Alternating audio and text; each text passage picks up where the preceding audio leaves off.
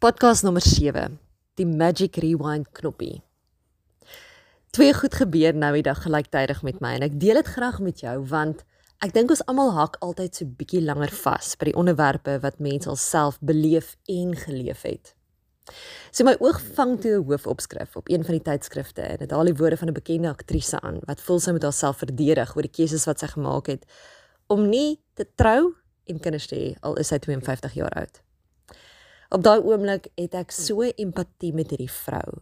Want jy sien, ek self moes al 'n paar keer myself probeer verduidelik het waarom ek nie kinders het nie en waarom ek nie meer getroud is nie. Nou terselfdertyd kry ek toe nou hierdie meme met 'n grappie wat lees. Twee kannibale sit en eet. Die een sê vir die ander, "Ek hou nie van my skoonma nie." Die ander kannibaal sê, "Dis oukei, okay, eet dan net jou chippies." dis snaaks, reg? Dis baie snaaks. Definitief ek dink een van my gunstelinge. En nie omdat ek nie van my skoonma hou nie, inteendeel, ek kan aan 'n hele paar ander mense dink wat ek eerder op die spyskaart sou wou sien insluitend 'n paar politieke figure, maar ons maak nou grappies, maar hoeveel van ons se koppe is daagliks op die chopping board by mense? Dink gou daaraan. Het sy by die persoon met 'n titel hoor as joune jou naaste vriend of jou vriendin, jou lewensmaat, jou familie, jou skoonfamilie, die media. Weet hierdie is 'n baie sensitiewe onderwerp wat ek vandag gaan raak, maar tog word ons almal hierdeur geraak.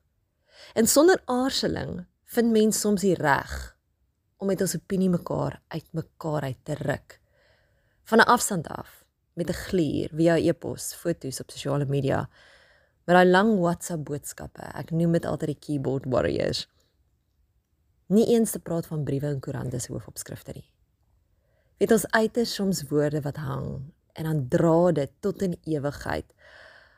Al is dit net 'n opinie en al het ons nie al die feite op die tafel nie. Skryf ons sinne wat met 'n delete knoppie nie uitgevee kan word nie. En ons maak emosionele besluite wat nie ge-undo kan word nie. Jy weet wanneer 'n mens soos die karakters in die Bybel van jou eie donkie afval, En soos Paulus ja met blindheid geslaan word. En 'n mens self deur 'n situasie gaan wat voel soos 'n 'n dal van doodskade weer. Hy leer 'n mens om daai opinie van jou in jou sak te druk. 'n Wag vir jou mond te sit. Jou mond te snoer en nie so vinnig oordeel te vel nie. Want oh my hat, dit maak seer en dit kom terug na 'n mens toe in ander forme op 'n tyd wanneer mense die minste verwag of wil hê. Jy weet mense wil dit afskryf as onkunde of onregverdige behandeling of emosionele wanbalans of seer of hartseer of in 'n oomblik van woede het ek net iets geuiter.